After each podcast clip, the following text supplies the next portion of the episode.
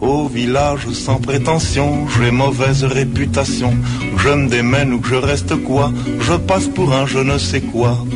Je ne fais pourtant de tort à personne en suivant mon chemin de petit bonhomme. Com m'agrada aquesta sintonia, Santi. Hombre, què tal? Que gran el Brassens i la mala reputació. Uh, uh, Santi, per cert, uh, uh, uh, Ariadna, tira'm això, eh? A veure, aquesta sintonia que tenim preparada, no? No la tens? Sí, sí. Perquè ja vam tenir una franja de la temporada en què el teu partener, Sí. que és el Malcom Otero, va desaparèixer Que l'han fet fora de casa. un altre cop, no? Malcom, Què tal? Bon dia. ara on pares? Soc a Mèxic. A Mèxic, Com que d'acord. quan soc a Barcelona no fem programa... he d'estar- Patapam, patapam, ximpum. Sí, no, no, però ja, Bé. és veritat, aquest pobre que ve dues setmanes i... I, no, i just no, són les dues setmanes que no fem I programa. la Jihad va i ens boicoteja. És veritat. Um, a veure, avui volíem convidar al Club dels Il·lustres Execrables una persona que per molta gent és una referència, que hi ha molts fans en aquest país i que ja ens vau avisar. Tanqueu la centraleta perquè I- es col·lapsarà. I que potser és l'únic que segueix viu. Ah? Ah? Bona aquesta. I és... No ho sabem. No. Avui convidem a un dels homes més famosos del segle XX. Més que un home és una icona amb potes, l'ídol per antonomàcia de la joventut durant diverses generacions. Un home que va ser comparat en vida amb Jesucrist. Per resumir-ho, Resicut li deien The King, amb majúscules, i tothom sabia que quan es referien a The King, el rei, estàvem parlant de Elvis Aaron Presley. Un execrable que va vendre milions de discos, va fer desenes de pel·lícules, bueno, pel·lícules, pel·lícules, va guanyar una fortuna descomunal i, això és molt important, va anar al llit amb milers de dones. Mm. Mai va ser feliç. Això és una- Però això no és el pitjor. Elvis era un ser inestable, megalomaníac, un yonqui feixista i, sobretot, un traïdor. Vinga, ja tenim preparat tot. Sí, sí.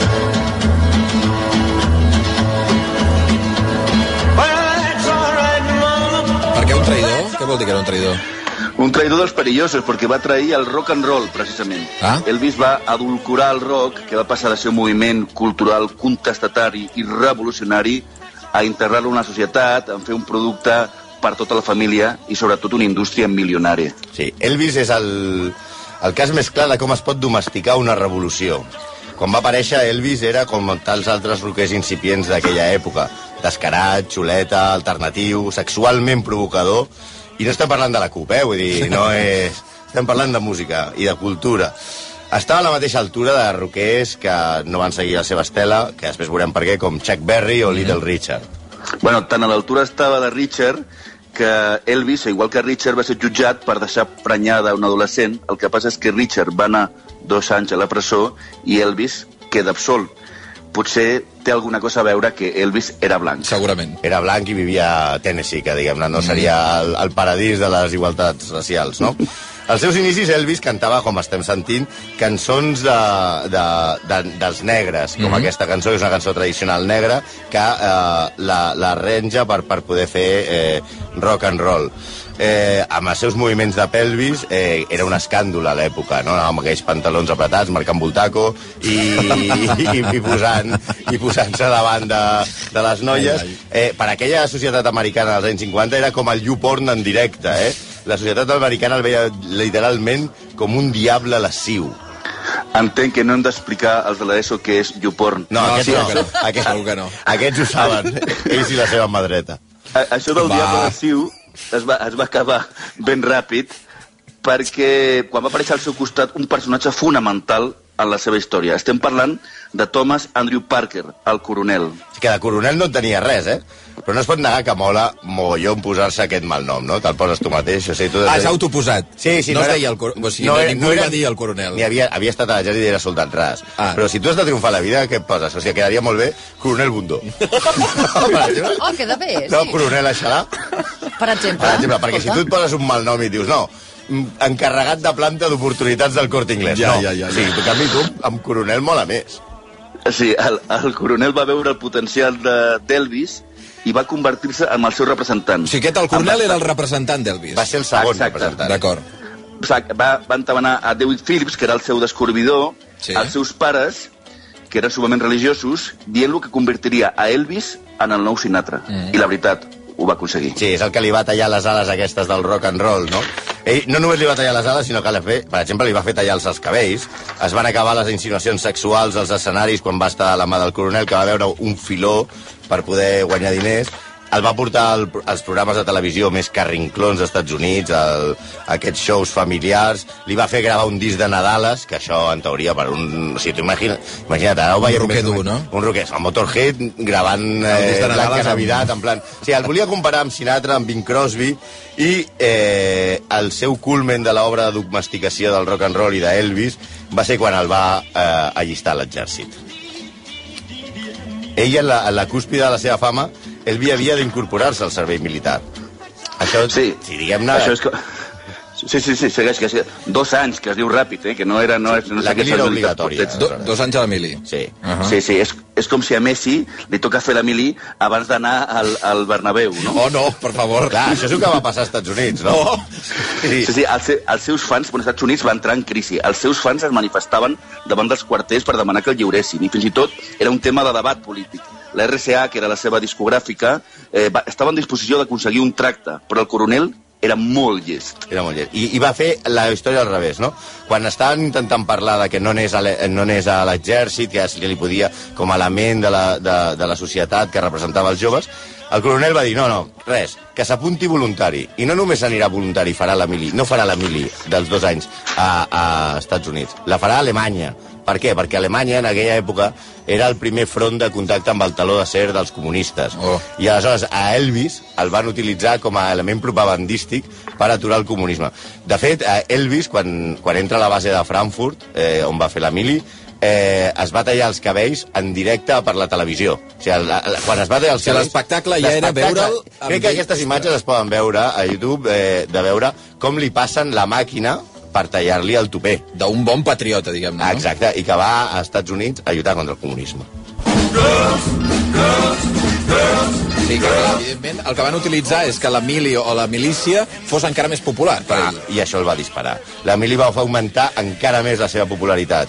De ser un quinqui rebel, xuleta del sud dels Estats Units, va passar a ser el gendre perfecte per totes les males dels Estats Units, no? O sigui, tots aquells que el veien com un diable sexual, ara, volia, ara el van veure com un patriota americà.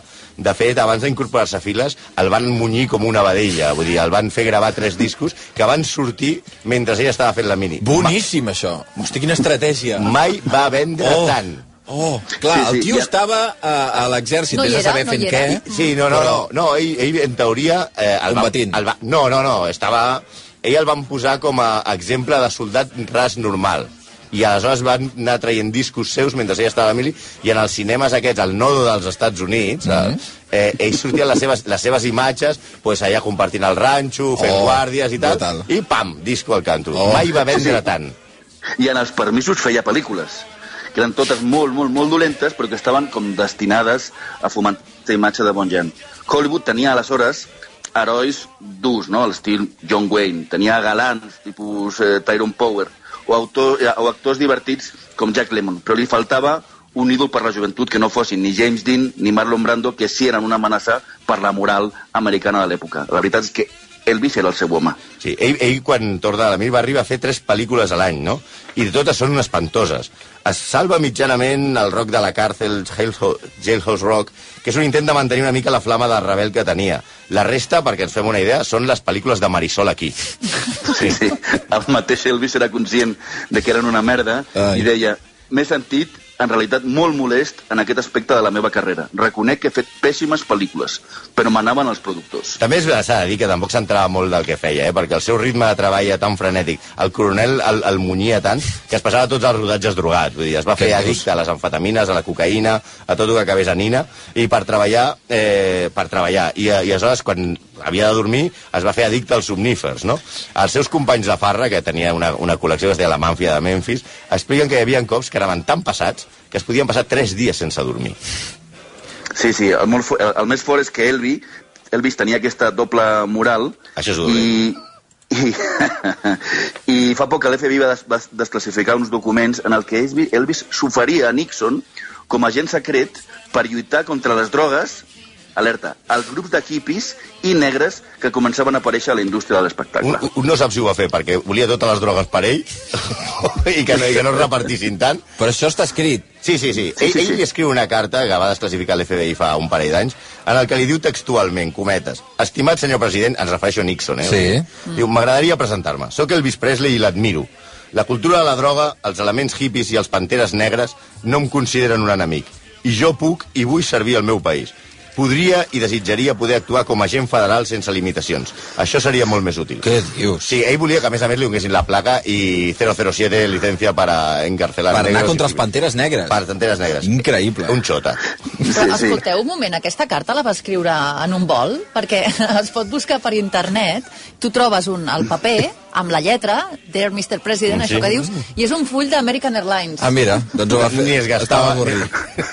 Potser Exacte. patro patrocinava la carta. Ah, també és veritat. Podria ser. La Però llavors el van rebre, a Nixon, a, a l'Elvis, sí, eh? Sí, sí. Nixon va rebre a Elvis a la Casa Blanca el 21 de desembre de l'any 70 i el cantant li va, regalar, li va regalar al president un Colt 45 de la Guerra de Secessió que havia estat propietat de Nathan Bedford, un dels fundadors del Ku Klux Klan. Què dius? Una joia, eh? Sí. Hosti. La, Que cançó. Ai, sí.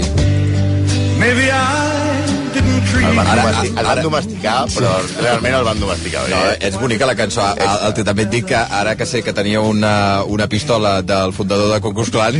No, no, no és que tingués una, espera't. Ah, calla, a veure. Digues, digues, Malcolm. tampoc la personal era molt més ordenada que les seves idees polítiques. Era una persona immadura.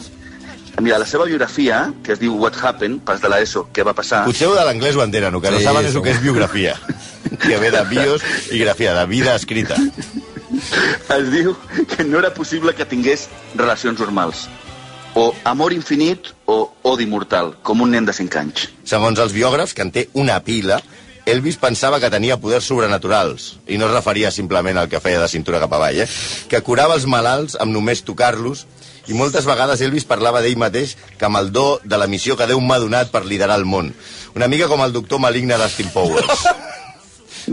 Sí, a més a més, amb ell Freud s'hagués posat les botes, perquè era un cas de manual de tarat enamorat de la seva mare. Sí, home, quan, va, un detall petit, quan va morir la seva mare, la que ell estava molt, molt unit, ella estava fent el servei militar a Alemanya, com hem explicat abans. Sí. I ella es va fer portar eh, des de Memphis l'arbre de Nadal amb el que van passar junts la seva mare i ell l'últim Nadal. I després va convertir la casa, la- l'habitació de la seva mare en una capella que va tancar a pany forrellat i només podia entrar ell, ni el seu Oh. pare. Clar que el seu pare també era un perla, que no en tindrem temps de parlar. Ah, el seu pare de seguida va canviar... De... Però clar, sí Es que, va entretenir, diguem-ne. sí que, sí que coneixem les, les dones, diguem-ne, no? Clar, per això en aquell moment, per això no és d'estranyar que en aquell moment que va morir la seva mare, s'enamorés de Priscilla Bollier, que era, va ser la seva dona, l'amor de la seva vida, i mare de la filla de la seva filla que es diu Lisa Marie, que va acabar casant-se amb Michael Jackson. Sí, una Tot tia que quadra. Sí, home, sí, s'acaba casant amb Michael Jackson. Llàstima, llàstima, llàstima, que quan es van enamorar a l'Elvis de la Priscila, Priscila només tingués 14 anys, però oh. què importa l'edat si l'amor és pur? Tu? Priscila era la filla d'un coronel, aquest, aquest de veritat, Aquest era de aquest de debò. veritat, que estava fent destinat a Alemanya, i es van fer nòvios formals amb l'autorització del pare, no? Mentre ella estudiava a, al col·le a Alemanya i el- i l'Elvis va tornar a, a Graceland a fer els seus concerts, Sí. la nena, quan acabava el col·le, en lloc d'anar a campaments a Planoles, se'n anava a Graceland a empastillar-se amb l'Elvis. Ai, ai, ai. La seva relació, com es pot suposar, no va acabar gens bé. Era absolutament obsessiu, es va tornar megalomaníac, podia estar setmanes sense sortir a casa, i tot el que volia ho tenia a Graceland, el, el, el, la gran casa, el gran ranxo que es va, es va construir a, a Memphis, no? i que és un lloc de peregrinació. Explica la Priscilla les seves memòries, que són ex- execrables i infectes, que es diuen Elvis i jo, que m'he llegit, per cert, que un cop es van passar un dia sencer al cinema de, de, de la mansió veient pel·lícules de por. I aleshores, quan va acabar la sessió, Elvis li va proposar a la seva dona anar a fer un vol, cosa molt estranya amb ell perquè no sortia mai de casa. Va cridar el seu xòfer i va fer que li obrissin el dipòsit de cadàvers de Memphis per poder veure els cadàvers i acabar així una nit una marató de cinema de terror. Es veu que això ho feia bastant sovint. Això d'anar al- a buscar cadàvers. El dipòsit, sí, li obrien el dipòsit de cadàvers i es passava la nit mirant els morts de la ciutat. M'esteu enfonsant, eh? Sí, amb Elvis cada cop més torrat i influenciat per, per aquest grup de guardaespatlles, amigotes, aprofitats, que era conegut com la màfia de Memphis, que eren com els Toys de Neymar de l'època, i obsessionat per un espiritualisme zen del seu perruquer, Lar- Larry Geller, tio que, que, era com que el seu creu gurú, El seu, el seu perruquer. sí, Cuidao, eh? que era el seu gurú espiritual, que pues, Priscila no podia més i no, no podia sortir de casa, ni, no podia créixer i estava desesperada. Llavors Elvi li va, Elvis li va recomanar que aprengués karate, era- que ella era un fan. Karate. I ella, Mhm. sí, i ella que era un, eh, eh, i ella que es va prendre tan en sèrio, tan en sèrio, que es va fugar amb el seu professor de karate, que es deia Mike Stone. De Molt fet, bé. tenia un altre professor de karate que es deia Chuck Norris, que tots us sonarà. Oh, sí, però brutal. al final va triar el Mike Stone. Elvis no ho va poder suportar. Va, I, aleshores, ni corto ni perezoso, va planificar l'assassinat de Stone. O sigui, va, El profe. volia matar l'home que havia pres la seva dona. Els seus col·legues no el van deixar fer-ho, però tot i així el tio va contractar un assassí a sou que li va pagar 10.000 dòlars per matar a l'amant de la seva dona. Que... El que passa és que va agafar... Eh, era, era d'oferta, aquest. Va agafar la pasta Era no Black Friday. ningú. Era el Black Era el Friday. Black Friday, Sí. era el Black Sabbath. Va agafar la pasta de l'Elvis I va dir, i cap "Si a t'he casa. visto, no te acuerdo". Està bé, està bé. Sí, sí, a, a partir d'aleshores, Elvis, ja que va convertir-se en un tarat total. Els seus guardaespatlles expliquen que, en un, que es va convertir en un obsec sexual, que els divendres a la tarda obria la reixa de Graceland perquè entressin a casa les noies que feien guarda, guàrdia per muntar orgies. En un reportatge de, de televisió titulat molt crípticament Les últimes 24 hores d'Elvis, Sí. un dels seus eh, membres de seguretat explica que un dia van ser a casa 152 dones en només 7 homes. Possiblement l'acudit de ens hem d'organitzar va néixer en aquell cap de setmana. Va. Home, sí, perquè això, imagina't. Vinga, Eh, Necessitaven no? un Sí, sí. Excel, eh? No, i tant. Sigui, La seva última època la va viure amb enormes problemes de salut, obsessionat amb aprimar-se, va arribar a pesar 130, 113 quilos i consumint drogues constantment perquè li receptava un metge que tenia sou. Per ell les drogues eren legals perquè es va comprar un metge i el metge li receptava totes les pastilles del món. Era la, la via ràpida. Sí, sí, sí. Sí, també es va obsessionar per la seguretat i les armes de foc. En un mes va comprar-se 33 revòlvers i no és agenda, disparava per casa seva a la tele quan feien una cosa que no li agradava. I això que en aquella època no feien Quina, salva. quina despesa en teles. Sí, dir? sí. Era, era, igual aprofitava Black Friday i es comprava 25. Finalment va morir, o no, perquè la llegenda diu que va fingir la seva mort per solucionar els deutes de joc i que estava arruïnat, i que encara viu, encara hi ha diaris de tant en quant Sí. que el, treu, el treuen Elvis està vivo. Eh, va morir segurament a l'agost del 1977, quan es va aixecar del llit per anar a llegir el lavabo. Això és, la, Això és el que diu això és la el que va dir la noia que estava en el llit amb ell, es va aixecar i va anar a llegir el lavabo. Que, sí, El xampú. Sí, sí, sí, que anava a Llegir el xampú del lavabo. Sí. La seva nòvia aleshores el va trobar hores després perquè la noia li va dir, bueno, me voy a leer al lavabo. I sis hores després va dir, hòstia, estic molt ample al llit. I es va aixecar per anar a fer un, un riu. Està i, molt enganxat a la i el va, i, i, està, no, no, està llegint una cosa interessantíssima. I no, i no. I se'l va trobar tot espaterrat allà en el, al terra. I, però bueno, s'ha de dir, com estem sentint a Mo Ways on My Mind, i amb les seves rareses, els seus defectes, el rei era el rei. Era molt gran. Escolta'm, eh, tinc por de preguntar-te qui, qui la setmana que ve, els execrables... Farem una pregunta, si és veritat o no. Com va dir Cervantes, con la iglesia hemos topado de nuevo. Uh, ja, un altre cop? I farem la pregunta que fa tothom. Juan Pablo II, ¿te quiere todo el mundo? Hosti, no, per favor. Bé, ja intentarem evitar-nos. Eh, bé, potser, potser, farem un programa especial d'algun altre tipus. Eh, Gràcies, eh, Malcolm, gràcies. A Santi. vosaltres.